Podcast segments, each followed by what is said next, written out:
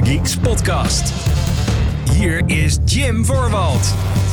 Hallo mede Gaming Geeks, wat leuk dat je luistert naar de Gaming Geeks podcast, de wekelijkse talkshow van GamingGeeks.nl, waarin ik en meestal een andere geekje graag bijpraten over alles wat er gaan is in en rondom de gamingindustrie. Ik ben Jim zoals je weet en de datum van opname is 30 maart 2021. Dit is aflevering nummer 166 van deze show, waarin ik dus met het nieuws met jou doorneem wat betreft games en uh, een beetje vertel wat ik allemaal aan het spelen ben. Deze week doe ik dat dus weer alleen. Ik uh, kon geen andere geek bereid vinden om aan, aan mijn, ja geklets mee te doen eigenlijk deze week. Maar uh, dat maakt niet uit, want uh, ik ben er een weekje uit geweest. Uh, mijn excuses voor degenen die daarop hebben zitten te wachten. dat heeft te maken eigenlijk puur gewoon simpel met het feit... ik voelde me vorige week niet helemaal op en top. Dat, je, dat je soms zo'n... Hè, zo'n hè, dat je ook uit je nest rolt, dat je denkt... Hè, nergens zin in. En gewoon niks voelt goed. Ik had een beetje koppijn, nou een beetje paracetamol en dat was al opgelost. Maar was voor mij niet de ideale setting om dan een vrolijke podcast op te nemen... waarin ik lekker met jou ga kletsen over videogames. Dus, uh, nou ja, nu, nu dus wel. Hallo, uh, 166 alweer. Jeetje mina.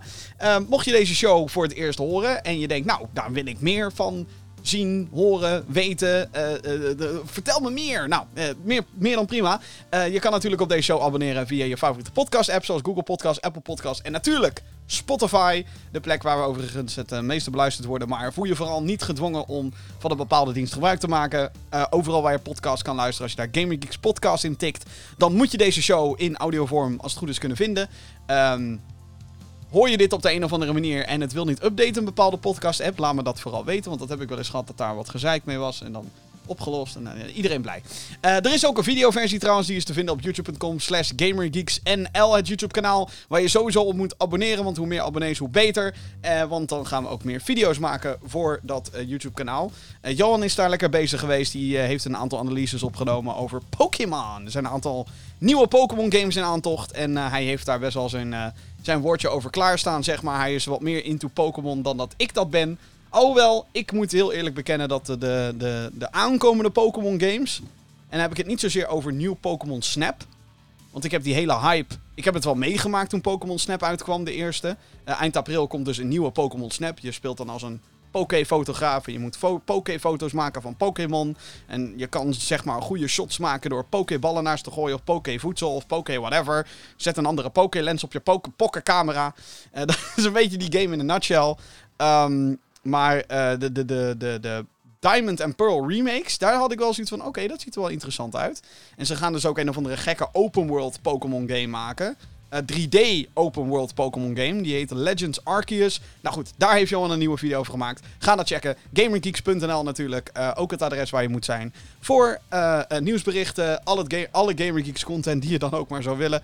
En geüpdate releaselijsten. Die best wel belangrijk zijn. Dus um, ja, ga dat checken dus. GamerGeeks.nl. GamerGeeks.nl, dames en heren. De playlist. Nou, laat ik dan ook maar meteen gaan naar de playlist. Ja, ja, ja. Uh, ik ben er dus uh, twee weken uit geweest met het maken van deze show. En dat heeft eigenlijk wel als gevolg dat ik uh, heel veel heb gespeeld. Echt ontzettend veel verschillende titels ben ik nu aan het spelen en, en dingetjes aan het doen. Vind ik helemaal niet erg, want hoe meer variatie in het leven, hoe, hoe beter. Hè? We zitten toch met z'n allen in lockdown.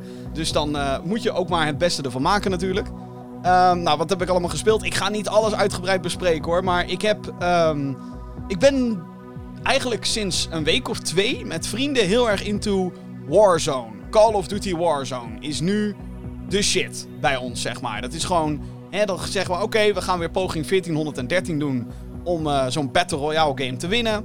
En dan ga je met z'n allen dat vliegtuig in, grote map, wapens vinden, kapot geknald worden die mensen die beter zijn. Of cheaten, of gewoon toevallig betere wapens hebben gevonden dan jij. Dat kan allemaal, uh, maar ik vind het wel uh, oprecht heel tof. De manier hoe Call of Duty dat hele Battle Royale genre heeft aangepakt. En... Um, ja, ik, ik, eh, zeker met vrienden erbij. Solo kan ik ook wel er lol in hebben. Ik heb daadwerkelijk twee wins gepakt. Met solo, ja ja. En met een groepje hebben we ook twee wins gepakt. Nou, ik kan, mijn geluk kan niet op natuurlijk. Hè. Als, als je dat eenmaal weet te bereiken, dan is dat fantastisch. Maar, daar moet ik dus wel bij zeggen, dat Call of Duty Warzone, ik speel op PC trouwens, voor degenen die het willen weten. Um, wat, wat ik echt zo super knap vind, is als je richting het einde gaat van zo'n potje. je begint op een grote map. En op een gegeven moment gaat er een cirkel met gas. Dat gaat steeds kleiner en kleiner en kleiner. Waardoor mensen geforceerd worden om met elkaar te vechten. Super slim design idee trouwens. Uh, als het gaat om Battle Royale in zijn algemeen natuurlijk. En um, ja, ik, ik, ik vind het zo te gek hoe als er echt nog maar tien teams over zijn of nog minder, hoe dan echt gewoon, hoe je dan bijna nerveus wordt van de win ligt binnen handbereik. Weet je wel, dan is het van oh, oh jee, als we nu nog maar niet verpesten. Uh, en soms is het natuurlijk een complete kansloze situatie, want het kan natuurlijk zo zijn dat het level zegt, haha, de cirkel gaat juist naar een plek toe waar alleen maar snipers goed dingen kunnen doen. En dat jij dan net geen sniper hebt. Maar goed, dat zijn allemaal dingetjes. Daar kan ik wel mee leven. Ik, um, ik ben heel erg aan het genieten van Call of Duty Warzone. Verder heb ik um, ook nog even Risk of Rain 2 heb ik zitten spelen. Die game bestaat nu volgens mij een jaar sinds dat die uit is gekomen. Op Early Access in ieder geval. En uh, ze hebben een nieuw character toegevoegd. Uh, Risk of Rain 2 is een roguelike. Het is wat mij betreft een van de beste roguelikes ook. Uh, en het principe van een roguelike is dat als je doodgaat, moet je weer overnieuw beginnen. maar elke run die je doet, of elk potje die je speelt eigenlijk, daarmee kan je willekeurige items vinden. En zo kan je steeds sterker worden en sterker worden. En het is echt... Risk of Rain 2 is wat mij betreft echt het voorbeeld als het gaat om roguelikes. Ik weet dat heel veel mensen naar Hades kijken als ze het hebben over roguelites. Of roguelikes, allebei kan. En meer dan terecht overigens, want Hades is ook een, vind ik ook een fantastische game. Echt geweldig. Heeft trouwens Game of the Year gewonnen bij de BAFTA Awards uh, deze week. Gefeliciteerd.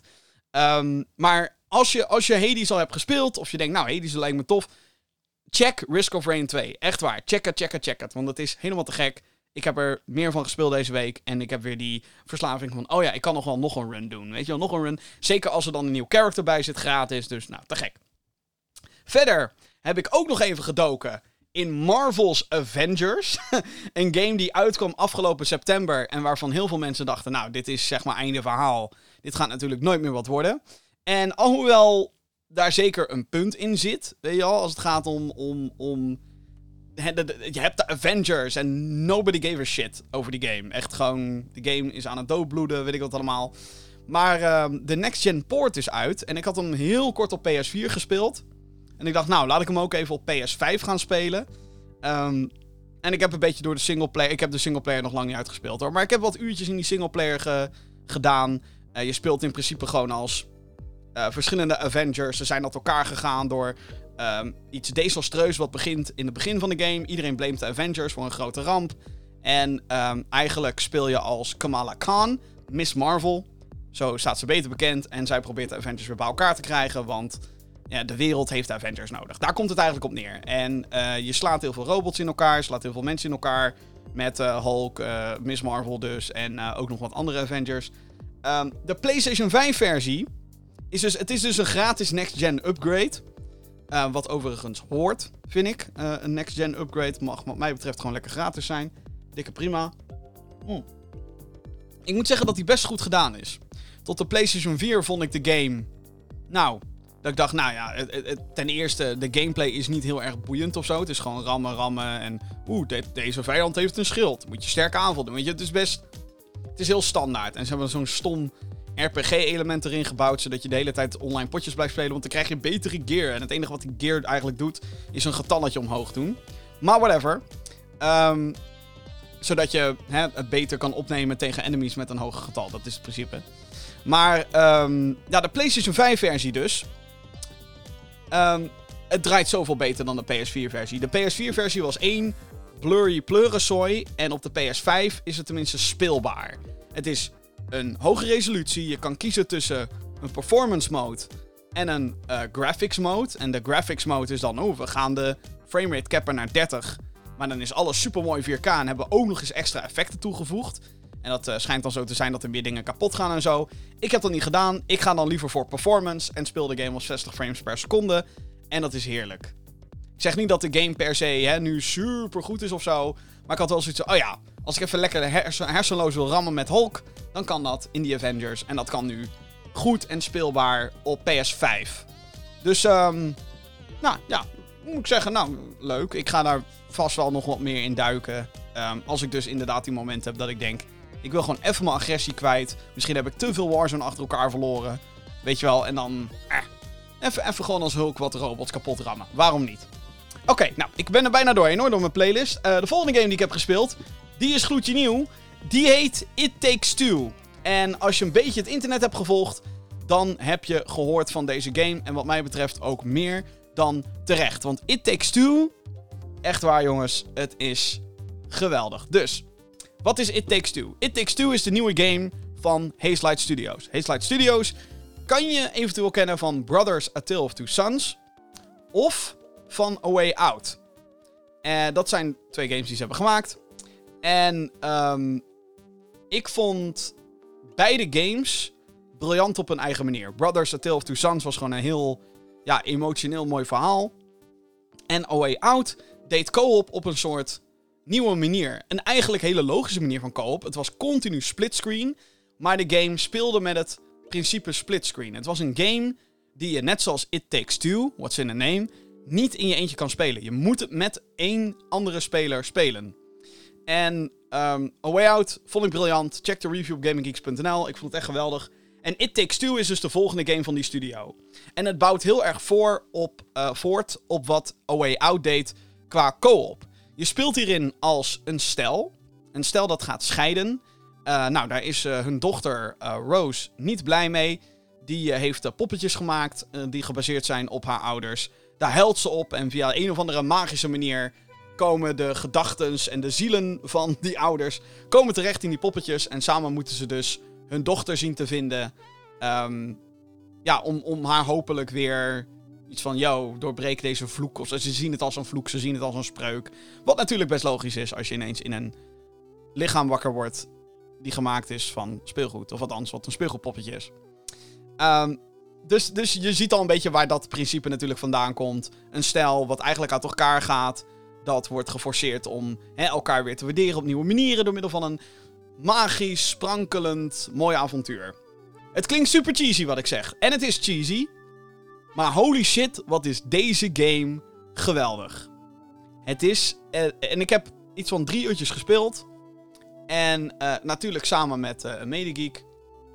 Vincent in dit geval. En um, ik was echt verbijsterd over hoe ontzettend veel creativiteit in deze game verstopt zit. Want het is echt gigantisch. Um, wat ik al zei, de, de, de, je moet dus met twee mensen spelen. En ten alle tijden zie je ook beide spelers in het scherm. Dus je kan, uh, je kan dit trouwens online spelen of gewoon op de bank met z'n tweeën. Kan allebei. Um, ik speel dan online. En wat ik uh, uh, dus je kan altijd een beetje zien van, oh ja, wat ziet die ander en, en hoe, gaan we dat, hoe gaan we elke situatie aanpakken. En om te zeggen wat voor type game het is, nou in principe is het een action-adventure platformer. Maar de game komt eigenlijk continu met nieuwe elementen. Althans, van wat ik tot nu toe gespeeld heb, is er continu wel iets nieuws wat je moet doen. Waardoor het, hè, het ene stuk is dan weer een beetje meer platformachtig. Het andere stuk heeft dan net wat meer nadruk op de puzzels. En dan wordt het ineens een soort van third-person shooter. Waarbij één iemand met een soort ja, gel gun wespen moet vastzetten. En de andere, het is een soort van olie, slijm, weet ik het wat allemaal, brandbaar slijm. En de andere heeft een, een lucifergeweer en moet dus die wespen in de fik steken en ontploffen. Maar daar heb je dus wederom elkaar nodig om dat voor elkaar te kunnen krijgen. Het is echt um, en, en het klinkt misschien een beetje saai als je luistert. Dat je denkt, nou, wat creatief, weet je wel. Goh, uh, één iemand moet A doen en de ander moet vervolgens B doen. Ja, dat klopt. Dat is eigenlijk een beetje het principe. Maar de, wat ik al zei, de creativiteit die in deze game zit. Het is eigenlijk bizar goed. De, um, en dat heeft vooral te maken met de presentatie. Want dit is een beetje een soort van. Ik kreeg een beetje Toy Story vibes hierbij. Want hè, je bent als twee kleine speelgoedpoppetjes. En uh, je gaat door een soort fantasiewereld heen. Beetje Toy Story meets fantasy, I guess. En het gaat echt heel erg ver met die, met die, met die creatieve sparkles, zeg maar. Ik ga niet vertellen wat, wat je allemaal tegen gaat komen in de game. Ik heb de game zelf ook nog niet uitgespeeld, dus ik kan niet eens alles weten. Maar een van de eerste levels gaat erover dat je een stofzuiger in wordt gezogen. En dat je op een gegeven moment natuurlijk ook tegen die stofzuiger moet vechten. Want het stel heeft wel eens ruzie gehad over die stofzuiger. Hè? De ene zegt, we moeten gewoon een nieuwe kopen. En de ander zegt, nee, ik fix het wel. En dan wordt die andere weer boos. Ja, je zei dat je die stofzuiger zou maken. Nou, daar, gaat dat hele, daar, daar komt dat scheiden uh, weer, um, ja, weer in terug. Maar de manier, of, of wat ze er vervolgens mee doen, is zo ontzettend gaaf gedaan. Wat ze doen met het gegeven stofzuiger. Oké, wat even een stofzuiger? Nou, die heeft buizen en uh, hè, die, het zuigt. Dus je hebt uh, momenten in levels dat uh, de ene moet dan bijvoorbeeld zo'n buis van zo'n stofzuiger moet die richten. En de andere moet er dan doorheen en moet dan weer een knop omzetten zodat de ander weer door kan. Het is, zijn allemaal van dat soort elementen die zo ontzettend tof zijn. En je hebt gewoon continu als je speelt, heb je dat hele gevoel van, oh wat gaaf dit. Oh wat cool. Er zijn ook allerlei minigames uh, verstopt in de, in de... Of nou, verstopt. Sommige kom je gewoon letterlijk tegen als je gewoon de game speelt. Maar er zijn minigames aanwezig die... Um, ja, waardoor je ineens even tegen elkaar moet strijden. En dit zijn dan echt gewoon een soort van afleidingen. Zo van, nou, wie is er beter hierin? en vaak heeft elk character dan, dan ook weer een andere rol in. Het is um, heel erg gaaf. Uh, en, en, als je nog geen beelden hebt gezien van deze game... dan um, zou ik zeggen, check de videoversie van deze podcast. Of pauzeer de podcast even en check even een trailer. Want het is zo ontzettend gaaf. En ik kan niet eens het tofste vertellen. Want dan heb ik het idee dat het spoilers zijn. Maar ik en, en uh, nou, met Vincent heb ik het zitten spelen. Uh, wij hebben ons op sommige momenten. We hebben echt keihard gelachen. Gewoon ook om characters. Het schrijfwerk is ook heel erg goed. Want het is een, een heel simpel verhaal. Maar het is zo goed gebracht. En het is zo echt gewoon met, met goede humor. En met, met smaak. Zeg maar. Wel? Het is. Het is heel erg goed. En het, ik kan mijn vinger er bijna niet op leggen over waarom het zo ontzettend goed is. Is het co-op gegeven tof? Natuurlijk is het co-op gegeven super tof. Maar de game gaat zoveel verder dan dat. Uh, in zijn presentatie, in zijn, in zijn gameplay elementen, in, in alles. Het is echt te gek. It Takes Two, mocht je nog een twijfelaar zijn en denken, nou ik weet het niet met deze game als ik uit moet gaan van de eerste drie uur van dit spel. Ik denk ook niet dat dit trouwens de langste game ooit zal zijn, maar dat maakt niet uit. Um, dit is te gek. Dit is echt te gek. Ik heb me, we hebben gelachen, we hebben uh, een beetje ruzie ook met elkaar gemaakt. Want dat hoort er toch een beetje bij bij dit soort games. Hè? Van nee, jij moet dit doen. Doe nou dit. En doe, dat, doe het nou even goed. Dat hoort er gewoon bij. Maar het is echt, het is, het is een van de beste co-op ervaringen die ik tot nu toe heb gehad. En als je nog steeds twijfelt en je denkt, ja, maar Jim, dan moet ik twee twee fucking games gaan kopen. Dat vind ik dus het toffe. Want net zoals bij A Way Out, de vorige game van deze ontwikkelaars dus. Um, daar krijg je, uh, of althans iedereen kan daar de Friend Pass editie downloaden. En dat is ook in het geval van It Takes. Dus ik heb de game bijvoorbeeld gekocht. En uh, Vincent moest even een Friend Pass editie downloaden. In principe wordt dan de game gewoon op zijn console of computer gezet. Het is niet crossplay geloof ik, dus je moet wel even afspreken op welk platform je gaat spelen. Maar uh, ik heb hem op PC gespeeld. Maar um, ja, die, die, die downloadt dan die versie. En dan moet ik hem vervolgens uitnodigen. Want hij kan zelf geen match starten. Dat kan alleen degene die de game gekocht heeft. Super tof systeem. Um, het zorgt gewoon voor dat je. Um, ja, dat die barrière niet al te groot wordt. Dat iedereen die eigenlijk met jou wil spelen, als jij de game gekocht hebt, dat dat dus ook gewoon kan. Uh, dus hulde naar EA, notabene. Uh, een bedrijf wat uh, vaak uh, bekend staat om zijn gierige acties. Um, hulde dat ze dit voor een tweede keer doen. Want dit was bij A Way Out dus ook al zo. Um, te gek. Fantastisch. It Takes Two. Go play that. Want het is... Het, je merkt het misschien al. Ik ben heel erg enthousiast. Maar ik wil niet te veel spoilen. Dus um, vandaar. Ik vind het gek. Goed, dan nog heb ik, heb ik nog wat gespeeld. Hoor, ik heb nog wat gespeeld, dames en heren. Um, een week geleden ongeveer, een moment van opnemen, ietsjes langer, uh, werd eigenlijk uh, als verrassing nieuwe DLC aangekondigd voor Doom Eternal. Nou, en als je deze podcast al een tijdje volgt, dan weet je, ik ben best wel. Uh, ik, ik kan, ja, ja, Doom, ja, vind ik leuk. Ik vind Doom Eternal, de, de, de, nieuwste in de serie die vorig jaar uitkwam, een van de beste games in de fucking serie ooit. Um, of nou, een van de beste shooters ooit, moet ik dan zeggen. Um, ik vind het geweldig. Ik vind het echt te gek. De gameplay, de snelle actie, de, de, het, het forceren van het gebruik van meerdere wapens. Allerlei mechanics die perfect een soort cirkel vormen. Het is geweldig. Ook, ook weer en wederom kan ik hier niet genoeg woorden aan kwijt over hoe tof ik het vind.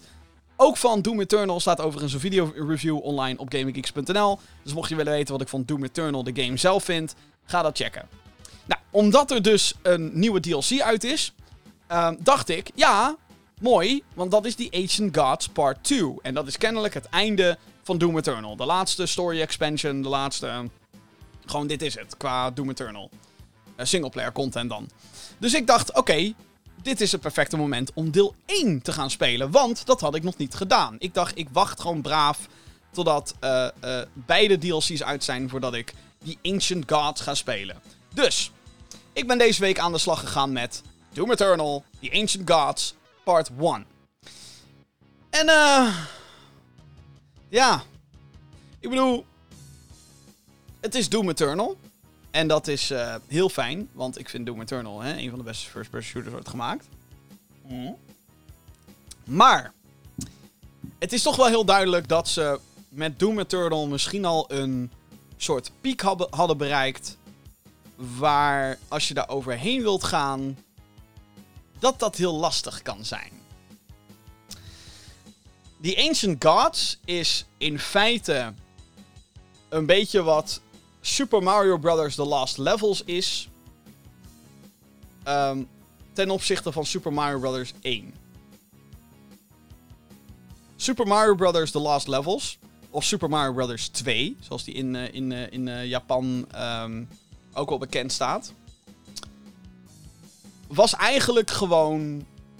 Ja, het, het, het, het was. Het waren eigenlijk gewoon nieuwe levels. Maar dan fucking moeilijk. En dan hadden ze bij Super Mario Bros. 2 hadden ze dan nog Luigi erbij of zo. Um, weet je? Prima. Toen de tijd. Weet je al? Dat was, en, en wij kennen natuurlijk Super Mario Bros. 2. Wij kennen dat als die, die, die hele, andere game waarin je ook poppetjes kon optillen en zo. Anyway. The Last Levels, dat zijn die fucking moeilijke levels. En die Ancient Gods is eigenlijk een beetje dat principe gewoon. Het is de, de, de, de moeilijkste shit in Doom Eternal ever. Ik speel Doom Eternal trouwens op Ultra Violence.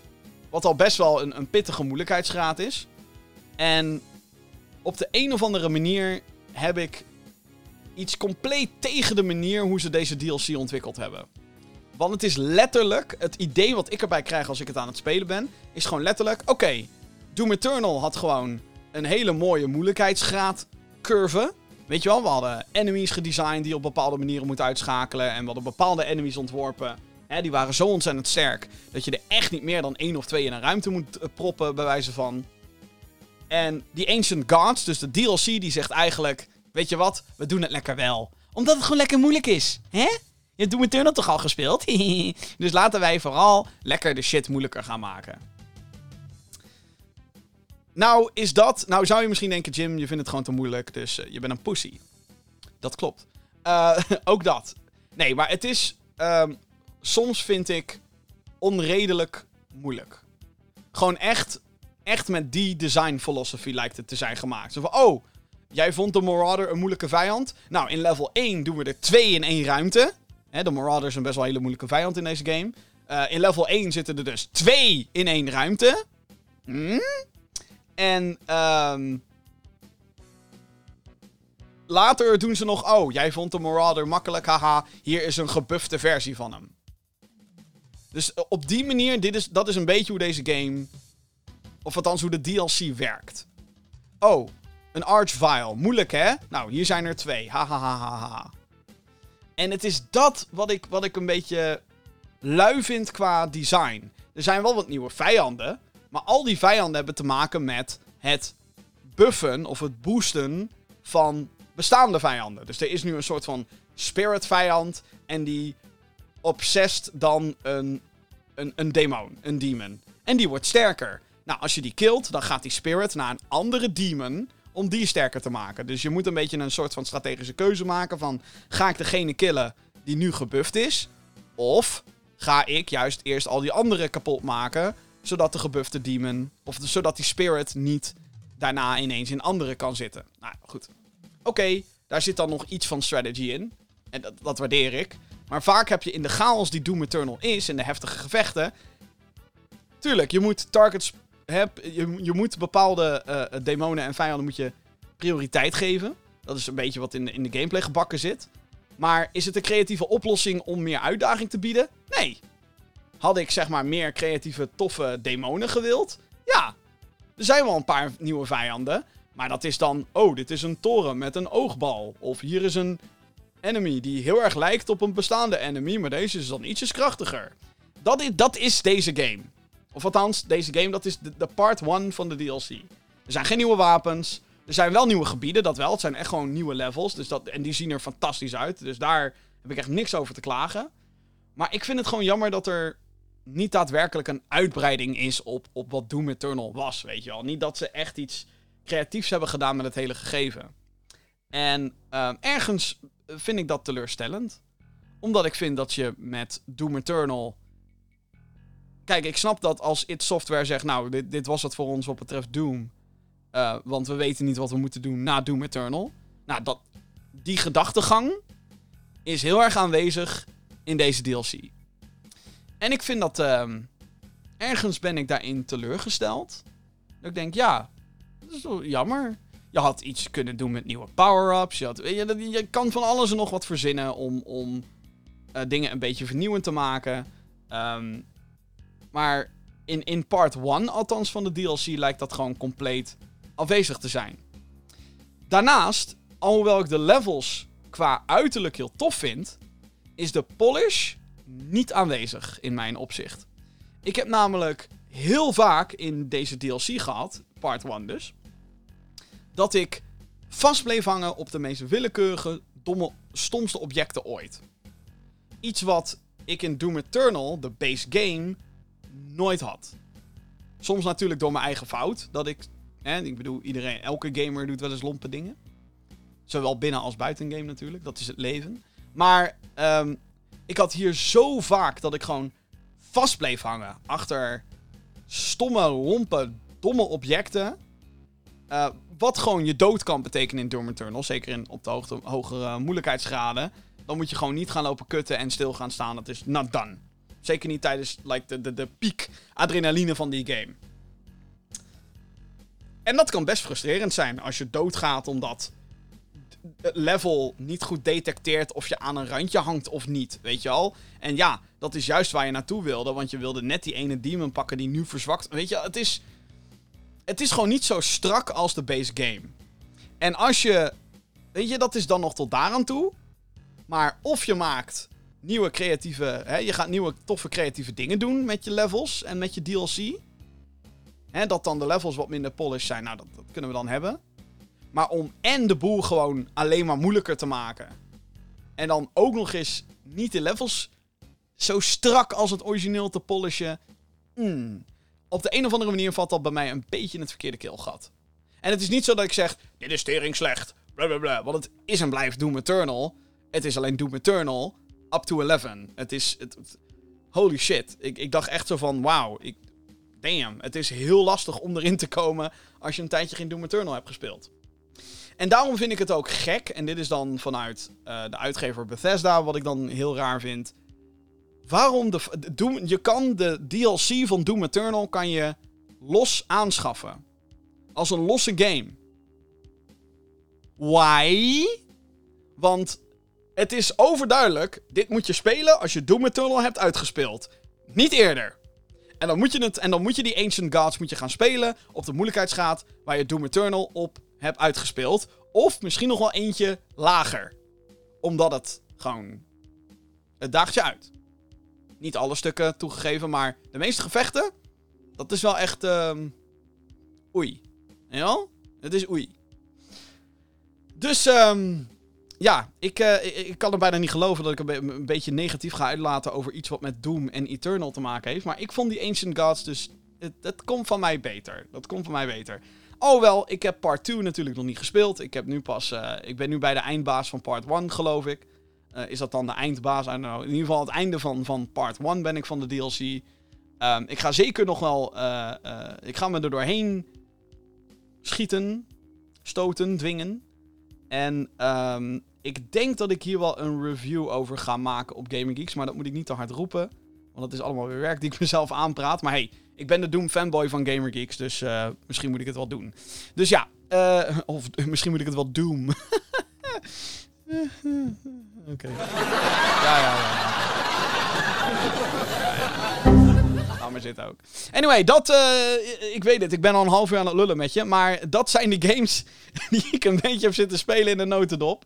Uh, een hele hoop natuurlijk. Maar uh, ja, er, is gelukkig ook het een en ander om te spelen. Dus um, resume, Call of Duty Warzone, te gek. It Takes Two, briljant. Marvel's Avengers, Next Gen Update. Goed gedaan jongens. Risk of Rain 2, heb je nog niet gespeeld, ga dat spelen. En Doom Eternal, The Ancient Gods. Meh. Zometeen in de Gamer Geeks podcast. Ja, er is ontzettend veel nieuws. PlayStation vermoordt het een en brengt nieuw leven in het ander. Ja, ja. En uh, als je, ik bedoel, ik, ben, ik sta bekend in deze podcast om degene die uh, fanboyt om Doom. Maar Life is Strange, daar kan ik ook wat van. En er is nieuws omtrent Life is Strange. Spannend, leuk. En natuurlijk, uh, uh, ik heb weer een vraag binnengekregen in de mailbox. Heb jij vragen voor deze show? Mail gerust, podcast.gaminggeeks.nl. Je weet het adres, podcast.gaminggeeks.nl. Nieuws. Oké. Okay. Ontzettend veel nieuws vandaag. En het lijkt voor de helft van dit nieuwsblok te gaan over PlayStation. Dus zet je schrap. Uh, mocht je PlayStation om wat voor reden dan ook haten. ja, sorry, dit wordt een soort van PlayStation georiënteerde uh, nieuwsblok. Niet dat alles alleen maar PlayStation is natuurlijk, maar heel veel gaat om PlayStation. Op de een of andere manier weet Sony zichzelf uh, heel erg in het nieuws te krijgen. Uh, en dat doen ze goed, denk ik. Uh, maar het eerste nieuws is alles behalve positief, kan ik je vertellen. Het is echt niet cool, dit. Zeg ik bij deze. Wie nog games digitaal wil kopen op oudere handhelds of consoles van PlayStation, die moeten er snel bij zijn. Want op 2 juli sluit de PlayStation Store op de PlayStation 3 en PlayStation Portable, beter bekend als de PSP. Op 27 augustus volgt de sluiting van de digitale winkel van PlayStation Vita. Uh, gamers die games in hun bibliotheek al hebben, krijgen nog wel toegang tot de games en kunnen deze dus blijven downloaden na de zojuist genoemde data. Het kopen van nieuwe games, dat gaat dus dan niet meer. De PSP is eh, een, succesvolle poging geweest om te concurreren met Nintendo's handhelds. Het apparaat was populair vanwege exclusieve titels van PlayStation franchises en de mogelijkheid om het apparaat makkelijk te jailbreken, waardoor emulatie ook makkelijk te doen was. Dat is waarom uh, heel veel mensen een PSP hadden. Dat ding kwam uit in 2005 geloof ik. De PlayStation 3 de verscheen van origine in 2006 en was de eerste HD-console voor Sony die online gaming voor het eerst compleet ingebouwd had. De console had een teleurstellende launch, maar wist uiteindelijk nek aan nek te gaan met zijn concurrent de Xbox 360. De PlayStation Vita was Sony's tweede handheld en kwam uit in 2012. Het bevatte krachtige hardware en een OLED-scherm. De grote verkoopcijfers bleven uit en, PlayStation gaf het al snel op als het gaat om het produceren van waardige games voor de handheld. Of gewoon grote first-party titels, dat kan ook. Wel waren er nog zat indie studio's die het hardcore publiek van de Vita bedienden met nieuwe releases. Meerdere devs hebben al aangegeven nu hun Vita-poort te moeten annuleren vanwege de sluiting van de digitale winkels. Dus het is. Het lijkt zo te zijn dat het zo langzaam maar zeker um, ja, echt over en uit gaat. Met uh, PlayStation 3, Vita en PSP. En het is een, um, een historisch dingetje. Maar dan niet per se in de positieve zin van het woord. Want dit, ik bedoel, en het is ook niet natuurlijk, het is natuurlijk niet alsof we dit nog niet eerder gezien hebben. Want, hè, we hebben het natuurlijk gezien met um, de Wii. In 2010 of zo gingen die, ging die hele digitale shit ging offline. En ook al had je shit gekocht op de Virtual Console of de WiiWare games of whatever, je kon er niet meer bij. Dus Nintendo deed het eigenlijk veel naaiender dan wat Sony nu doet. Je kan nog steeds de games die je al hebt gekocht, dus blijven downloaden. Dus dat is, was voor mij, oh, oké, okay, gelukkig. Dat kan. En ik ga er dan even ook vanuit dat als je een disc in je PlayStation 3 doet, um, dat deze dan ook gepatcht wordt naar de laatste versie. Dat werd natuurlijk, die generatie werd dat uh, steeds meer een ding. Het patchen van games was geen gek ding meer in 2006, 7, 8. Op consoles dan. Dat was toen eigenlijk best wel nieuw, als je erover nadenkt. Maar goed. Mm. Um, het is een. Uh, en de reden waarom, waarom dit dus historisch gezien een soort van unicum wordt, is dat nu twee van de drie consoles, of in ieder geval de digitale winkels, die gaan offline. Kijk, op de Wii kan je helemaal niks meer. Daar, daar is 0,0 online functionaliteit. De, de helft van de, de zogenaamde apps, de Me-channels, of gewoon de channels, whatever, Die doen het niet meer. Eh, je kan niet meer op de Virtual Console. Je kan helemaal niks meer op de Wii. Je kan discs erin doen. Je kan games spelen. Maar that's it. En Gamecube natuurlijk kan je er ook op spelen op de Wii. Uh, en de PlayStation 3 blijft wat dat betreft nog meer een online machine. Uh, de multiplayer blijft kennelijk ook nog online van games die nog online zijn. Um, maar ja, het niet meer kunnen kopen van shit op die consoles betekent natuurlijk dat ontzettend veel titels straks niet meer te spelen zijn. Of althans niet meer verkrijgbaar zijn voor ontzettend veel mensen. En uiteraard is het vanuit, vanuit zakelijk perspectief zou het denk ik vanuit Sony heel logisch zijn. Uh, hè, die hebben gewoon gekeken hoeveel games worden nou in godsnaam nog gekocht op PSP, PS3 en Vita. Kijk, Vita, daar kom ik zo op terug. Ik snap dat je dan op een gegeven moment gaat zeggen... dat zijn natuurlijk heel weinig mensen. Dat, dat, dat is niet heel veel meer. Dus ja, wat hebben we eraan? Ik bedoel, je kan dan net zo goed gewoon zeggen... over en uit. Tuurlijk. Maar ja, dan komt er weer een heel discussiepunt voorbij... waarbij je uh, het hebt over videogame... Um, beschikbaarheid. En hoe dat historisch een ding wel is. Want als je iets niet meer kan kopen en je wilt iets alsnog graag spelen, waarom niet? Weet je wel, het, is een beetje een, een, een soort van dilemma. En dit is waar wat mij betreft een heel groot probleem aan het licht wordt gebracht. En dat is backwards compatibility. Hè, de PlayStation 4 kan geen PlayStation 3 games al spelen, dus ook die digitale games kan allemaal niet. De PlayStation 5 kan het ook niet. En nou zijn er heel veel mensen die dan zeggen: ja, maar je hebt PlayStation Now. Maar PlayStation Now heeft niet wat er allemaal op de PlayStation Store staat op PS3, PSP en Vita. Dus daar is, een, daar is gewoon een groot probleem. En uh, het is dus heel gek om te zien dat twee van de drie consoles in één generatie gewoon straks de helft van hun functionaliteit niet meer echt hebben. Nou is dat bij de PlayStation 3 misschien nog een, een debat, omdat je kan natuurlijk zeggen, ja, PlayStation 3 kan nog steeds updates downloaden. Je kan nog steeds online spelen voor de games die nog online zijn. Etcetera, etcetera. Dus daar valt misschien nog wat voor te zeggen. Maar steeds langzamer, maar zeker worden die machines meer een soort van doos waar je nog beperkt iets mee kan. Maar die natuurlijk eigenlijk gebouwd is om dingen te doen die het niet meer kan. En dat is bij mij een soort van knelpunt. En mijn knelpunt zit voornamelijk bij de Vita. Want ik vind het eigenlijk een beetje crimineel dat de Vita nu al gekild wordt. En tuurlijk, Sony gaf de Vita al na een paar jaar, zeiden ze al, fuck dat ding. Het verkoopt niet zo goed als de, de PSP, omdat hij niet zo makkelijk te jailbreken was. Het had ook niet de games die het had moeten hebben, vind ik. Um, maar de Vita aan zich, ik heb, ik heb hem hier liggen. Het is zo'n fucking mooi apparaat. En ik heb eigenlijk na dit nieuws heb ik gewoon een paar PS1 Classics gekocht die op de PlayStation Store staan. Die, uh, die je kan cross-buyen, crossplayen, whatever. Op uh, PS Vita, PS3 en PSP. Die PlayStation 1 Classics zijn bruut. Welke heb, ik, welke heb je gekocht, Jim? Toy Story 2 en Hercules. Don't Add Me. Geweldig. Oké, mijn jeugd. En die kan ik gewoon op een handheld spelen. Waarom kan ik dat niet op de PS4? Waarom zijn de PS1 Classics geen ding op PS4 en PS5? Want dat, dat, dat, is het, dat is het grote probleem. Heel veel van dit soort games verdwijnen straks gewoon. En kunnen op geen enkele manier gespeeld worden. Behalve via PlayStation Now. Maar dat is een hele beperkte selectie. Die alleen Sony bepaalt wat je mag spelen. Jij bepaalt dat niet. Sony bepaalt dat. En dat vind ik een soort van. Ik weet niet. Je zou natuurlijk ook kunnen zeggen als, als counterargument, Jim. Heb jij ooit een game digitaal gekocht via de PlayStation 3? Nee. Zeker niet. Oh wel, dat zeg ik nu wel. Is dat zo? Ik weet het eigenlijk niet. ik weet het niet. Waarom zeur je dan? Nou, omdat dit gewoon wel een. Ik ben wel ook al een beetje van de gamegeschiedenis en zo. En om dan nu gewoon te zien dat. Gewoon je. Het kan straks gewoon niet meer. En het is goed van Sony dat ze.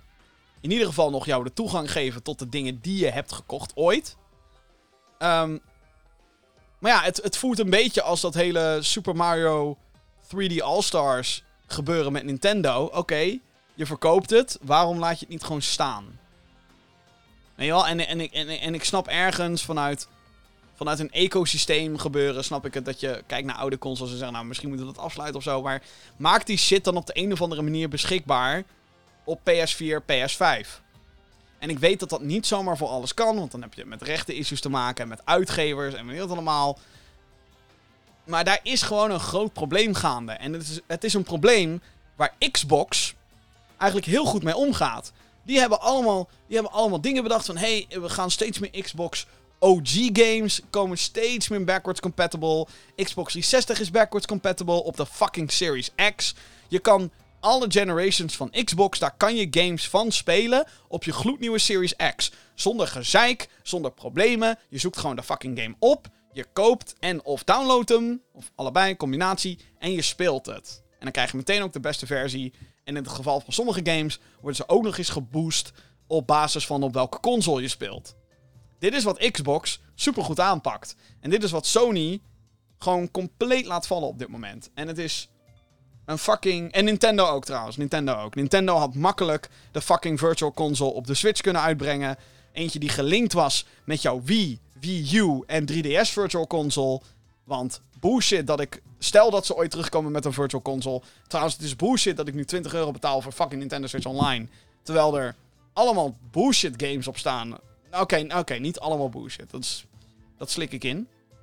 Maar er, zijn, er staan heel veel games op die dienst waar ik, waar ik per se geen behoefte aan heb.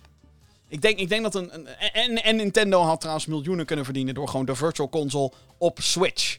Hoe briljant zou dat zijn? Gewoon, hey, hier zijn de NES games. Koop. 5 euro per stuk. Hier zijn de Super Nintendo games. 6 euro per stuk. Hier zijn de Nintendo 64 games. Nou, dan maak je die wat duurder. 7, 8, 9, 10 waren ze volgens mij op de, op de Wii toen de tijd. Um, de Virtual Console was briljant op de Wii. En als je daar, weet ik hoeveel oude emulators basically op kon draaien, waarom kan dat dan niet op Switch? En het is die.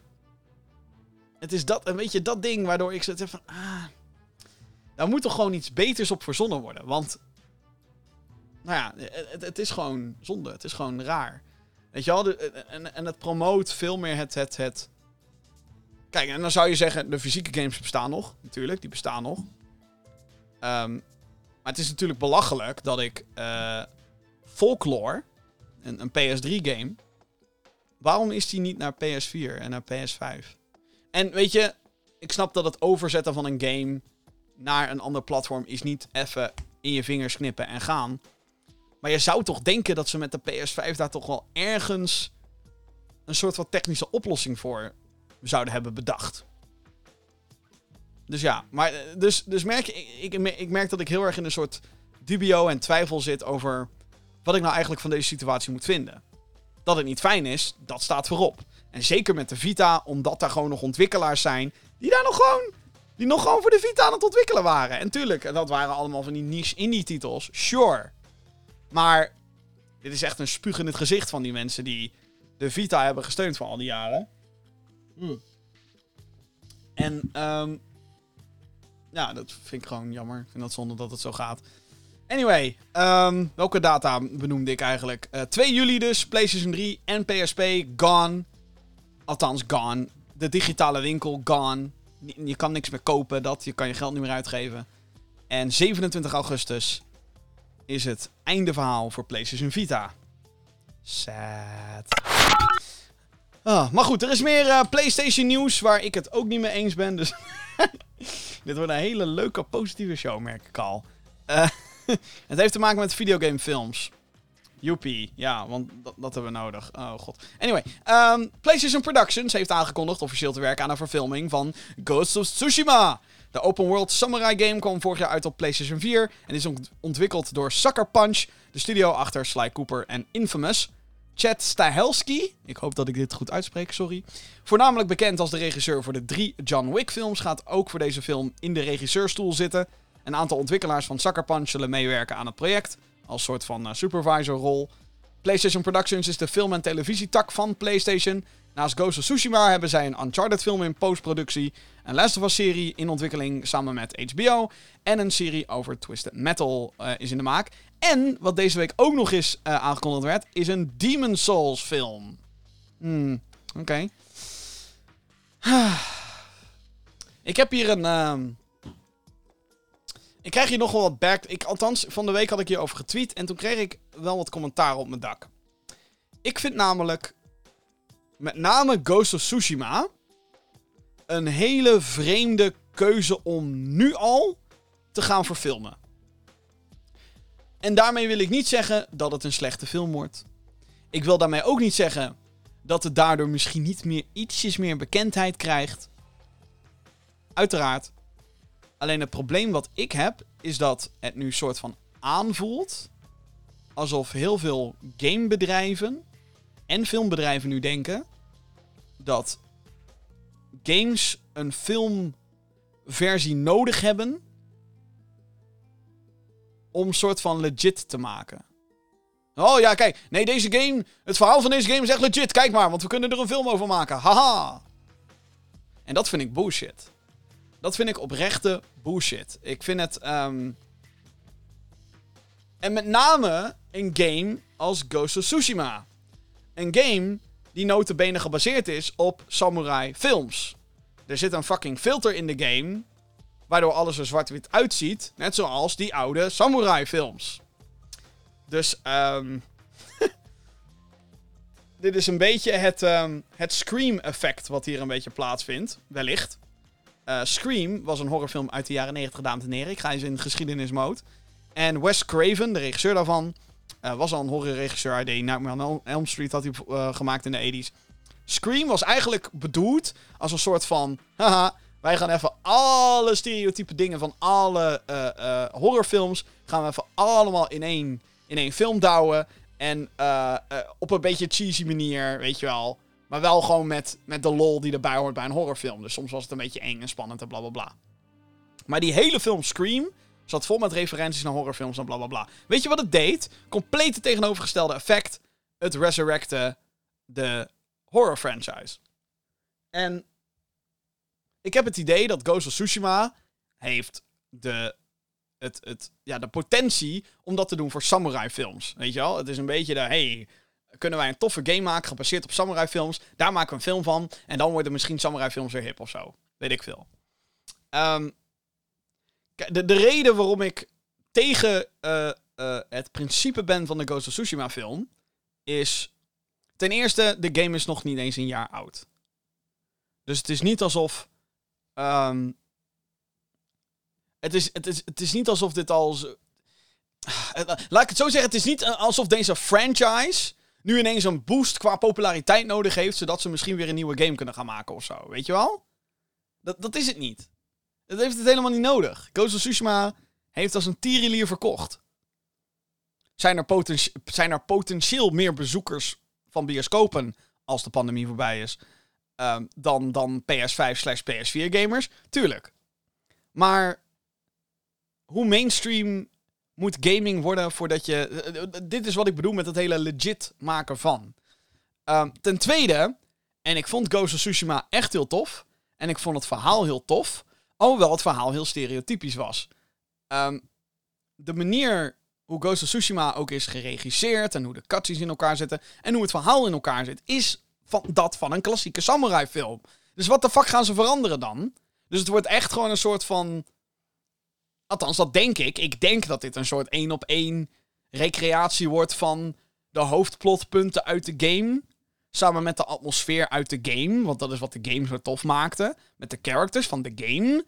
En, en, dan, dat dan in twee uur gepropt of zo? Oké. Okay.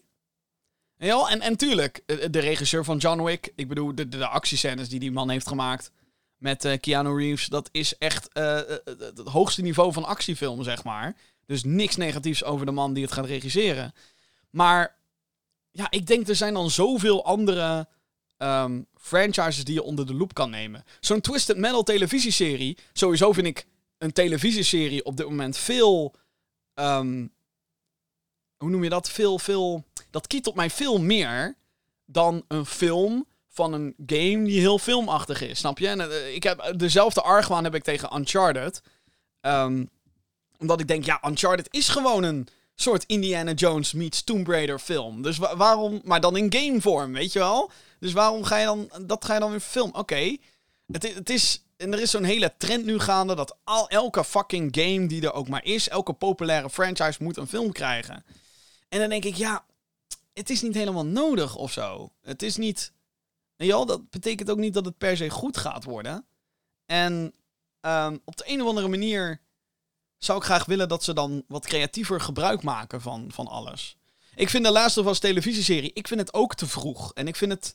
Ik denk, ja, die game heeft het verhaal wat het wilde vertellen perfect verteld, de eerste game. De tweede game, daar valt over te discussiëren wat mij betreft, maar perfect gewoon. The Last of Us Part 1 is een, is een meesterwerk. Dus waarom... Ik bedoel, ik zeg niet dat je daarmee gaat kutten dan, maar iedereen gaat dan kijken naar die HBO-serie en dan gaan ze ervan uit dat dat het origineel is. Weet je wel? Terwijl er andere franchises zijn en andere IP's waar je zoveel meer toffe en spannende dingen mee kan doen. Vind ik dan. Um, en ja, met The Last Us kan je spannende dingen doen. Ik vind bijvoorbeeld The Witcher vind ik een heel goed voorbeeld. Alhoewel The Witcher natuurlijk officieel gebaseerd is op de boeken. Want de game was ook gebaseerd op de boeken. Alleen heel veel mensen associëren natuurlijk uh, de, het, IP The Witcher met de games. En niet gek ook. En de serie heeft ongetwijfeld ook heel veel gekeken naar de games. Ik weet dat uh, Henry Cavill, die uh, Geralt speelt, en Superman overigens ook, die, um, die is fan van de games en de boeken. Dus nou, dan heb je het al. Uh, maar ja, ik zou bijvoorbeeld zelf een, een, een Bioshock film, weet je wel, dat zou ik te gek vinden. Ook omdat die franchise natuurlijk al, hè, daar is al inmiddels acht jaar hebben we daar al geen nieuwe game van gehad. Er komt natuurlijk een nieuwe aan, dus dit zou eigenlijk een perfecte moment zijn om een, een, een ander type media te gebruiken. Om bijvoorbeeld heel Rapture neer te zetten en dan ook nog eens tegen de mensen te zeggen, yo, er is ook een game hiervan, man. Die is inmiddels best oud, maar die is te gek. Ga dat spelen, weet je wel ik weet niet, op de een of andere manier voelt dat voor mij significanter. En is dat minder soort van, oh, het is nu populair, dus we moeten er een film van maken. En natuurlijk, dat is hoe Hollywood nou eenmaal werkt. Als iets niet populair is, waarom zou je er dan in godsnaam een adaptation van maken? Hmm. Ik zeg alleen maar dat. Je moet, ik, ik vind dat je games moet pakken waarbij je iets anders kan doen op het witte doek. En met Ghost of Tsushima zie ik dat niet. Ik zie dat wel met Bioshock. Ik zie dat ook zeker met bijvoorbeeld een Tomb Raider. Uh, ik bedoel, Angelina Jolie was natuurlijk perfect in die rol. Ze was geboren om Lara Croft te spelen. De, de, de, de jaren 2000 versie van Lara Croft te spelen. Um, ik vind overigens die nieuwere Tomb Raider film vind ik ook prima.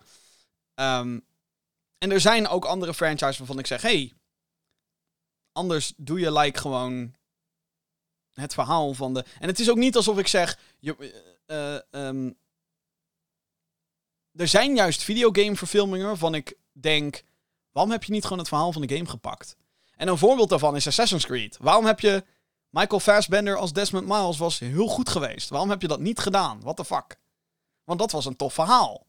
Nee, maar ze wilden weer wat anders doen. En dat was. Kijk, dat dat, dat niveau ook heel belamberd was in de Assassin's Creed film, dat is natuurlijk uh, het grootste probleem. Maar uh, ja, het is natuurlijk ook een per geval ding. Maar met, met name met PlayStation Productions, dat hele studiohuis, heb ik zoiets van: guys, ga gewoon anders fucking vette games maken, man. En kijk hoe je op een creatieve en toffe manier uh, een, een franchise uit kan breiden met een toffe film. Maar zorg er dan in ieder geval voor dat er wat tijd tussen zit. En niet nu al met Ghost of Tsushima. What the fuck? Wel? En vooral omdat het ook allemaal zo intern is en zo alles moet met elkaar te maken te hebben. Dus ik ben dan ook gewoon bang dat dit heel erg dan Ghost of Tsushima 2 gaat beïnvloeden. Terwijl ik juist denk, laat Sucker Punch lekker een ding doen. En dit is allemaal een aanname overigens. Dit is allemaal niet bevestigd. Maar dat. En weet je, uiteindelijk ben ik natuurlijk ook onderdeel van het probleem. Uh, zoals dat heel vaak is met mijn kritieken. Want hey, Jim, als die film uitkomt, ga je hem dan boycotten? Ga je hem dan niet zien? Tuurlijk wel, tuurlijk ga, ga ik hem kijken. Wat denk jij dan? Ja? Ik mors mijn water. Maar. maar ja, ik vind. Ik, ik, het is voor mij niet altijd nodig, laat ik het zo zeggen. Het is voor mij niet altijd nodig en ik vind het um, jammer dat er zo opgeleund wordt. Daar komt het op neer. Goed. Tot zover mijn gezeik over videogamefilms. Er is uh, meer nieuws en uh, wederom over PlayStation. Ja, uh, ik blijf nog even over PlayStation hebben. Dit is ook een spannende trouwens. Want we hebben sneller nieuws gekregen rondom de nieuwe versie van de PlayStation VR dan gedacht. Een paar weken geleden onthulde Sony al dat er een nieuwe virtual reality headset zou komen. Uh, die specifiek ontworpen is voor de PlayStation 5, dus een next-gen headset. Bij die aankondiging werd vermeld dat we geduldig moeten zijn als het gaat om nieuwe informatie. Maar dat lijkt dus mee te vallen, want de nieuwe controller is onthuld. Ja. Och. Uh, de next-gen VR-controller doet heel erg denken aan um, de Valve Index Knuckle Controller. En de huidige Oculus Controller. Althans, als je het aan mij vraagt. Want um, ja, er zijn dus uh, fotootjes en screenshots en zo zijn ervan onthuld. De controllers bevatten adaptive triggers, haptic feedback en finger touch detection. Dit houdt in dat de controller kan detecteren waar elk van je vingers geplaatst zijn. De bewegingen van de controller worden getrackt door de headset zelf, wat doet vermoeden dat een PlayStation camera niet langer vereist zal zijn. Thank fucking god. Daarnaast zijn er op elk van de twee controllers een analoge stick, een tracker dus, een knop aan de zijkant waar je wijsvinger van nature uh, zal zitten en twee actieknoppen. Uh, de bekende PlayStation symbolen, kruis, rondje, vierkant, driehoek. En dan heb je ook nog de start options of de options share knoppen, die zitten er ook op. Maar goed, um, heel interessant dit. Heel tof. Heel interessant. Ik, um, ja, ik denk dat dit uh, sneller komt dan we misschien wel dachten. Eind 2022 klinkt ineens niet zo gek meer voor de volgende PlayStation VR. Ik ben heel blij dat ze uh, een beetje de kant op gaan van wat nu de high-end VR-headsets zijn. Dus de Valve Index en de Oculus. Uh, weet ik wat dan, hoe, hoe die dingen. De Oculus, gewoon noem ik het even simpel. Je hebt ook de Oculus Quest 2 heb je inmiddels. Um, dus ik ben blij dat ze echt wel al die ideeën um, ja, gewoon pakken en, en er gewoon lekker mee doorgaan. Um, en ik hoop dat het een beetje een comfortabele VR-ervaring wordt. Want ik vind de PlayStation VR te gek. Zeker als zijnde, het is een betaalbare VR-optie. Uh, als je al een PlayStation toevallig thuis hebt staan. Dat vind ik te gek. Um, en met deze controller denk ik dat het echt wel beter wordt. Het, het, voelt, het dan echt aan als legit VR. Want de huidige PlayStation VR maakt nog steeds gebruik van PlayStation Move. En dat is een technologie uit fucking 2011 of zo. Dat waren PlayStation 3 motion controllers. Dus um, ik ben heel blij met dit nieuws. Uh, let's fucking go. Top. Um, hopelijk snel meer nieuws. Ik weet ook wel dat er inmiddels een game is aangekondigd voor de volgende uh, PlayStation VR. Een squad shooter die volgens mij ook naar Oculus komt. Dus um, nu moeten we er gewoon nog wat zeg maar PlayStation IP op de nieuwe VR-unit hebben. Een Horizon game in VR. Sign me the fuck up. Of een Uncharted. Of een... Maakt me eigenlijk allemaal in donder uit. Sign me the fuck up, zeg maar. Alhoewel er natuurlijk ook nog steeds non-VR dingen moeten komen, wat mij betreft. Maar goed, dat is, is weer een uh, discussie voor een ander moment. Een hele opvallende aankoop vanuit PlayStation. Ja, ja, ze hebben ook weer wat gekocht deze week. Uh, het moederbedrijf Sony Interactive Entertainment en een nieuwe e-sports organisatie onder de naam RTS hebben de organisatie van Evo overgekocht. Ja, en als je Evo niet kent, dan ja, nou ja, het is, het is een wat meer hardcore ding ook natuurlijk, maar uh, bear with me. Um, dit is de Evolution Championship Series. Een collectie aan fighting game toernooien. Waarin de beste spelers van een variatie aan games tegen elkaar opnemen. Uh, dus eigenlijk toernooien van Street Fighter, Mortal Kombat en Super Smash Bros. Die worden daar veel gespeeld. Vorig jaar kwam het toernooi in opspraak vanwege ongewenst seksueel gedrag van de CEO. De 2020-editie werd daarom geannuleerd. En dat was ook iets met een pandemie trouwens. Hiermee zet Sony duidelijk een stap richting e-sports. Op officiële PlayStation-kanalen zijn al een tijd toernooien te zien met soortgelijke games. En volgens mij wordt Evo ook al een tijdje, zeg maar, is PlayStation een van de hoofdsponsoren. Dus. En sommige games zijn natuurlijk ook dan alleen maar te spelen op PlayStation. Volgens mij Street Fighter 5 is nog steeds PS4, PC. Dus. Mm. Dat op Xbox spelen, dat zit, hem, dat zit er niet eens in. Dus ja, uh, een opvallende keuze. En uh, benieuwd wat ze nog meer gaan doen. Het is in ieder geval een, een in, interessante stap. En ook wel denk ik een soort van stap vanuit PlayStation om niet alleen maar e-sports te gaan doen. Maar ook een beetje wat meer richting uh, community. Kijk, e-sports is heel erg community gedreven. Maar ik denk dat ze hiermee wel echt een beetje punten willen scoren. En in ieder geval voor willen zorgen dat de fighting games in ieder geval op PlayStation gespeeld blijven worden. Um, ik weet eigenlijk nooit of dat echt is veranderd of dat dat ooit anders was. Kijk, Super Smash Bros. dat is natuurlijk even een uitzondering, want dat is een Nintendo-titel en dat zal nooit op PlayStation komen. Maar daar ben ik trouwens dan wel benieuwd naar. PlayStation heeft nu Evo. Gaat Super Smash Bros. dan nog op Evo gespeeld worden? Ik bedoel, zal wel, maar alsnog. Dat is de zogeheten food, food for thought. Food for thought. Food for thought, ja? Ja, dat dus. Oké, ehm, dan wat anders. En uh, wat mij betreft ook uh, te gek. Ontwikkelstudio Psyonix en diens eigenaar Epic Games... die hebben een mobiele spin-off van Rocket League aangekondigd. De game gaat Rocket League Sideswipe heten... en komt later dit jaar naar iOS en Android toestellen... Het principe van de originele game blijft intact. Je speelt als een autootje die een grote bal in het doel van de tegenstander moet schieten. Sideswipe zal plaatsvinden in een 2D-perspectief en heeft matches van maximaal 2 versus 2 spelers. Variaties kunnen natuurlijk ook, 1 v 1 en uh, dat soort dingen. Um, de potjes moeten ook kort duren, zo rond de 2 minuten, zo hebben ze gezegd. Rocket League Sideswipe zal free-to-play zijn, met ongetwijfeld microtransacties zoals nieuwe skins voor wagens, vlaggetjes en hoedjes. Dus ja, uh, later dit jaar een nieuwe Rocket League, oh wel, niet eentje die um, heel veel mensen willen. Maar hey, ik heb zoiets van als je een uh, mobile spin-off gaat doen, is dit toch wel een beetje de manier om te doen. Ik vind het tof. Ik vind het er leuk uitzien. Het, is, um, het ziet er ook echt uit als een hele versimpelde versie van Rocket League. Iets wat je. Kijk, waar ik gewoon blij om ben, is dat ze niet zomaar. Oh ja, hier is Rocket League op mobiel. Alsjeblieft.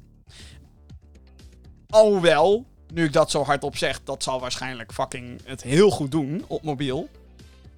Maar dat ze de moeite nemen om een aparte ervaring te, creë te creëren voor mobile gamers.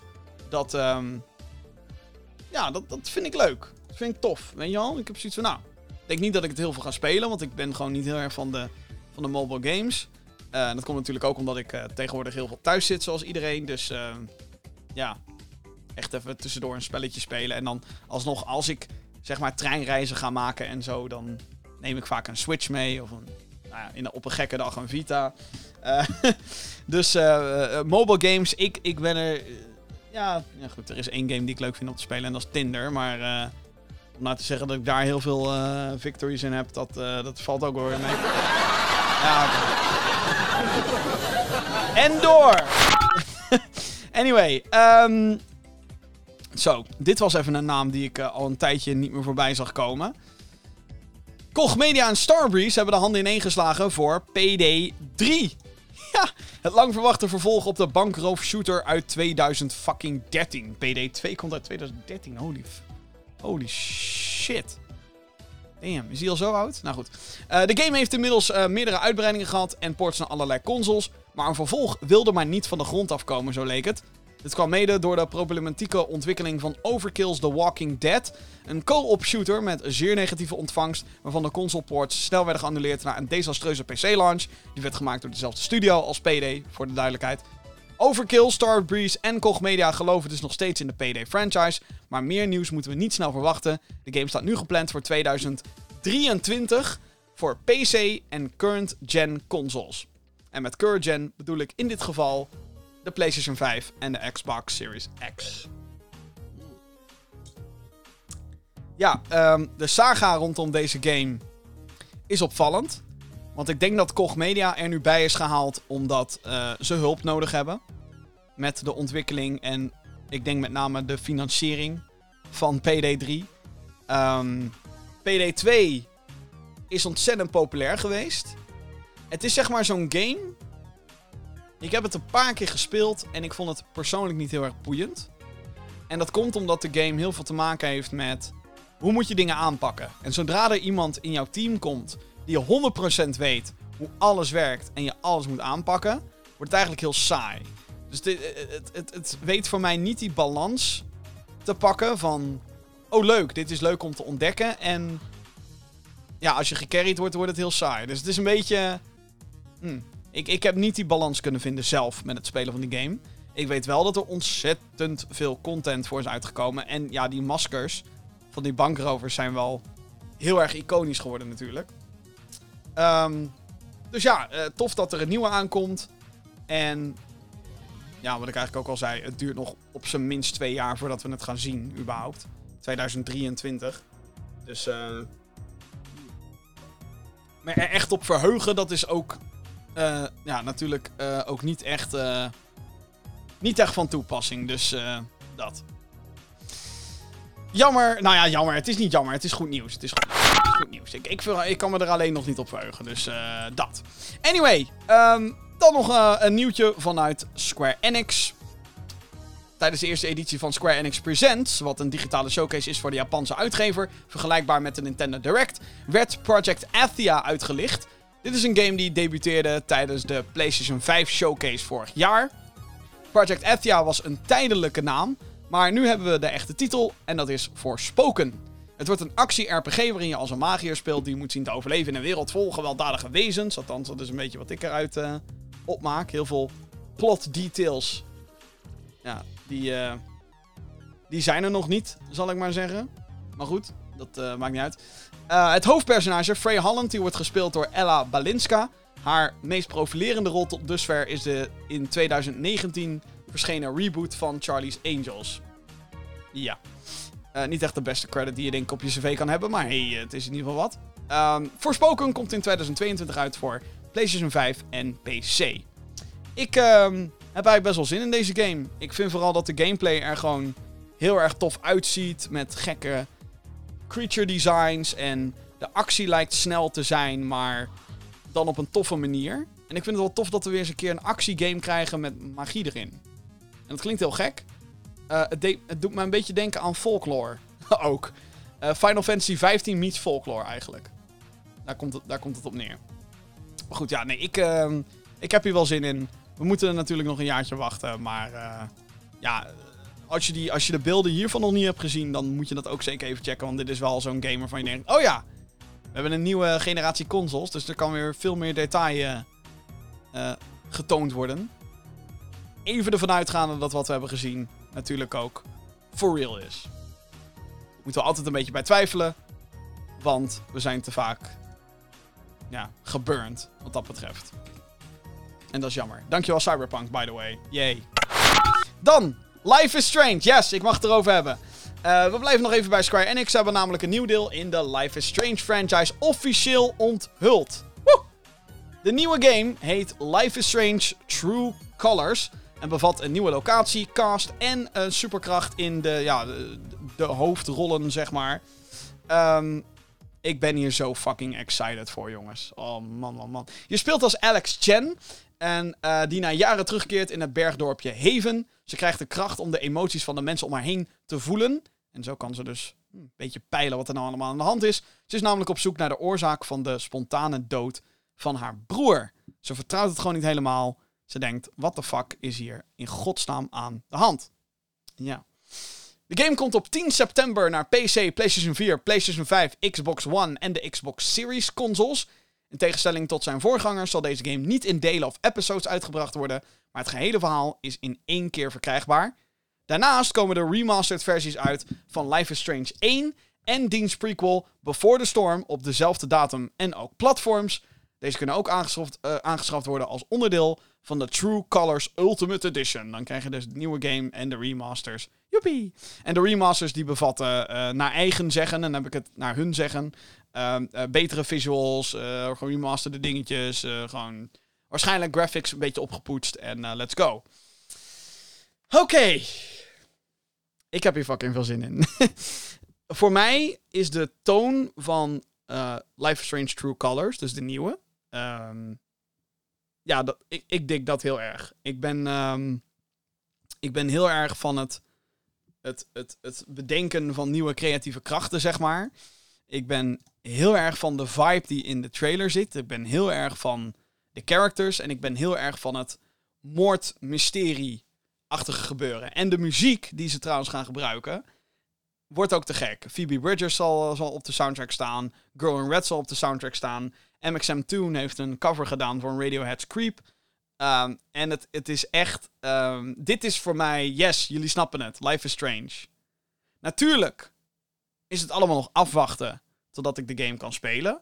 Maar ik ben gewoon zo blij dat ze een nieuwe Life Strange hebben aangekondigd. Dat ze kappen met die episodic shit. Want dat duurde veel te lang bij de vorige games. Dan speelde je episode 1 in, in fucking ergens in januari. En dan kon je pas episode 5 spelen het jaar erop, nou, dat, dat, was, ik heb dat alleen maar gedaan met Life Strange 2. Daar heb ik alle episodes gespeeld toen ze uh, meteen uitkwamen. En het was een hel om de hele tijd te wachten. Het was echt, het was niet goed.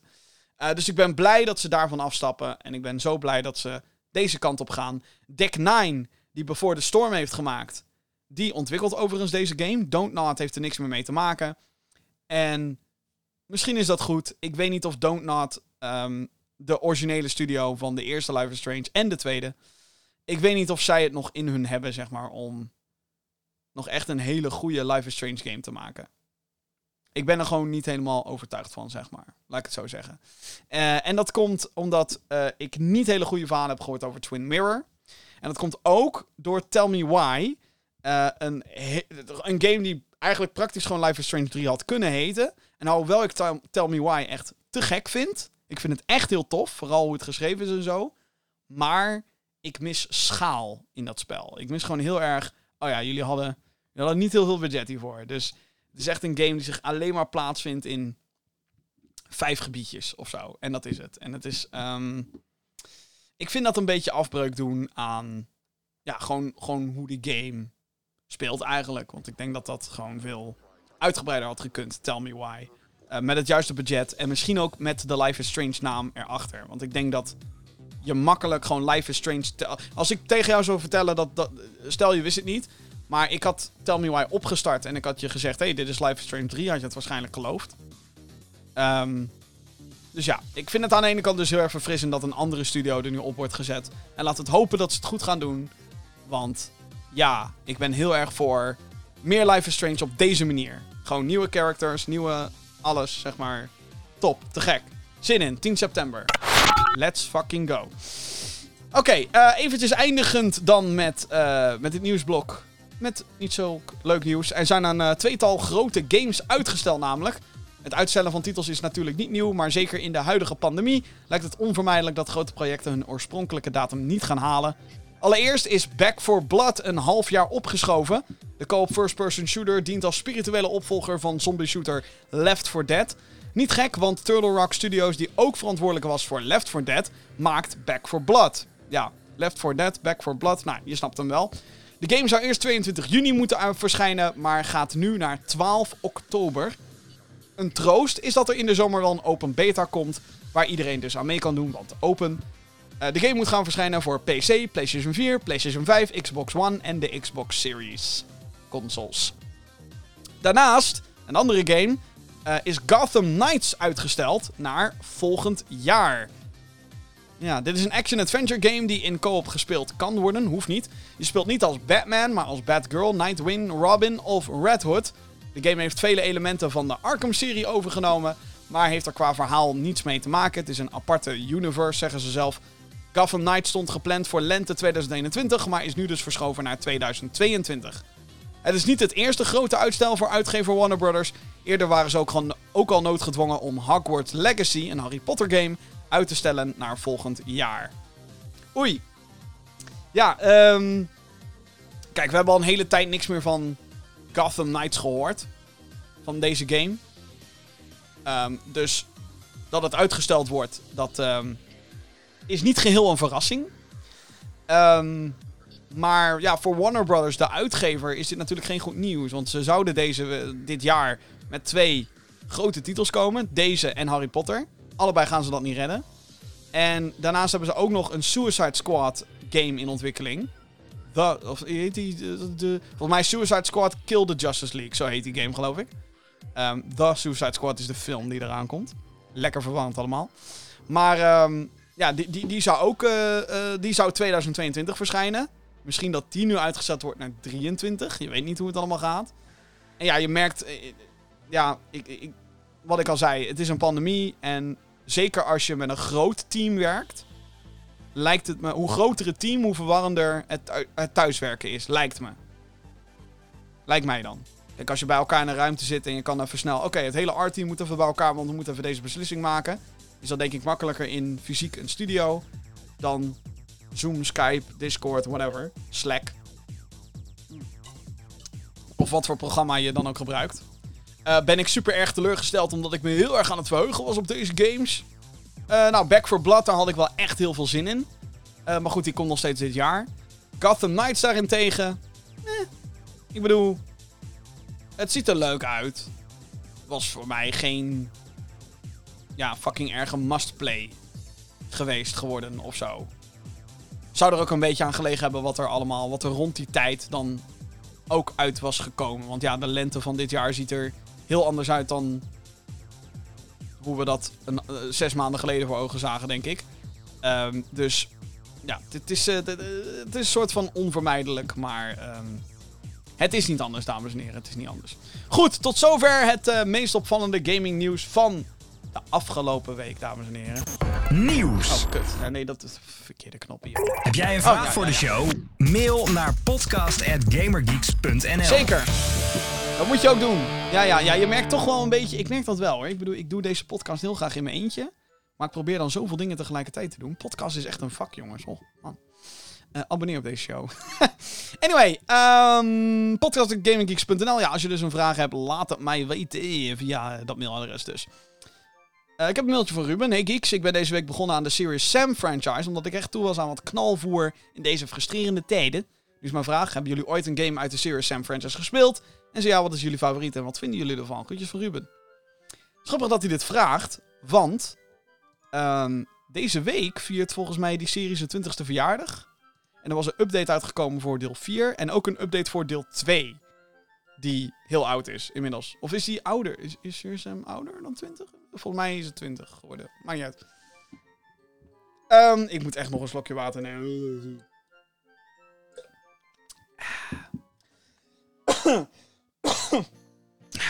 nog slokje. Oké, Serious Sam. Ehm, ja, ik heb daar zeker het een en ander van gespeeld. Ik vind het level design in Serious Sam saai. En dat is een beetje de bedoeling. Kijk, Serious Sam is een first-person shooter. ehm, waarin je gewoon door, eh, je loopt gewoon als Serious Sam rond. En opeens kom je in een grote arena. En dan weet je, oh ja, dan gaan weet ik hoeveel monsters spannen. En dan is het, oké, hoe lang kan je die monsters overleven? Het is eigenlijk een soort van wave shooter. Oh, er komen golven van vijanden op je af. En dan moet je naar een andere ruimte. Daar komen golven van vijanden op je af. Dat is eigenlijk een beetje hoe die gameplay in elkaar zit. Ehm, de eerste die ik speelde, ironisch genoeg, was eentje op de PlayStation 2. En dat was een aparte consoleversie. Dat was een aparte Serious Sam game. Eh, hoe heette die ook alweer? Even kijken. Serious Sam PS2. Hoe heette die? The Next Encounter. Zo heette die, ja. Ehm, die vond ik best aardig. Alhoewel het op de PlayStation 2 echt dramatisch draaide. Maar goed, ik, vond hem wel leuk. Eh, daarna heb ik natuurlijk op de PC heb ik, eh, wat dingetjes uitgeprobeerd. Eh, ik vind het niet een hele boeiende franchise, als ik heel eerlijk ben. En ehm, ik, ben heel, wel, ik ben wel benieuwd hoe de vierde is. Die heb ik nog niet gespeeld. Ehm, heel veel mensen denken dat dat een oldschool first-person shooter is. Maar dat is het absoluut niet. Want wat ik al zei, level design is gewoon niet zoals de echte ouderwetse 90 shooters. De echte boomer shooters. Maar eh, dat gezegd te hebben, als je inderdaad gewoon op zoek bent naar even lekker iets kapot knallen, dan is Serious Sam wel een goeie. Wat ik heel grappig vind aan die franchise is dat er ongelooflijk veel spin-offs zijn. Kijk hoor, want ik ga even Serious Sam Games. Kijk hoor, wiki. Want eh, ik bedoel, je hebt dan Serious Sam the First Encounter. Je hebt Serious Sam the Second Encounter. En dan denk je, oh, dat is Serious Sam 2. Nee, dat is weer een aparte game. Ja, dan heb je Serious Sam 3, Serious Sam 4. Nou, maar dan heb je Next Encounter. Dat is de console game, waar ik het net over had. Dan heb je Serious Sam Advance, voor de Game Boy Advance. Serious Sam Double D. Oké. Volgens mij is dat een soort van top-down game. Kamikaze Attack voor mobile. De Random Encounter. Een, eh, een eh, hoe heet het? Een roguelike. De, wat is dit nou weer? Bogus Detour. Had je ook nog. Je hebt Serious Sam VR. Je hebt Serious Sam I Hate Running Backwards. Je hebt Serious Sam Tormental. Serious Sam Origins. What the hell? Hey joh? Waar de fuck komt dit allemaal vandaan? Zo groot is Serious Sam helemaal niet, joh? Maar dat vind ik wel heel grappig. Dat het, eh, dat het dan zoveel spin-offs en weet ik wat allemaal heeft. Terwijl het best een niche game is. En niet echt de grootste naam in first-person shooter ooit. Maar weet ik veel. Misschien zit daar wel gewoon de charme in of zo. Geen idee. Goed. Eh, tot zover eigenlijk. Ja. Ja. Nou, tot zover eigenlijk. Jeetje, Mino, we zijn alweer aan het einde gekomen van deze aflevering van de Gaming Geeks podcast. Eh, wat ik al zei, heb jij dus eh, eh, vragen voor de show? Laat ze dus weten. Bedankt voor je mailtje, Ruben. Laat het weten via podcast.gaminggeeks.nl. Ik herhaal, podcast.gamergeeks.nl. Dan rest mij natuurlijk nog te zeggen ehm, dat als jij deze show enigszins leuk vond, dat, je, dat ik het heel erg zou waarderen als je je zou abonneren op deze podcast. Dat kan natuurlijk via je favoriete podcastdienst, zoals Google Podcast, Apple Podcast en of Spotify. Als je op een podcastdienst zit waar je een recensie kan achterlaten, eh, doe dat dan ook. En eh, laat dan een positieve recensie achter als je deze show dus tof vindt. Ehm, eh, YouTube natuurlijk, youtube.com slash gaminggeeksnl. Daar is een videoversie van deze show te vinden. Dan kan je naar mijn mooie, kort geknipte kop kijken. Ja, ik ben weer naar de kapper geweest. Ik ben er echt super blij mee. Echt waar. Had veel te lang haar, je lockdown haar. Anyway, Ehm, eh, dat, youtube.com slash gaminggeeksnl. Ook voor al onze andere videocontent. En voor alles wat betreft Gaming Geeks is maar één adres natuurlijk. En dat is gamergeeks.nl. Goed, tot zover deze 166e aflevering van de Gaming Geeks podcast. Ik wil je hartelijk bedankt, eh, bedanken voor het luisteren. Eh, dat je het weer eh, eh, 1 uur en 20 minuten met mij vol hebt gehouden. Het is echt een wonder. Dankjewel daarvoor. Ik vind het er helemaal te gek dat er mensen luisteren. Dus thanks, thanks, thanks, thanks, thanks, dankjewel. En heel graag tot een volgende keer. Tot later. Doei.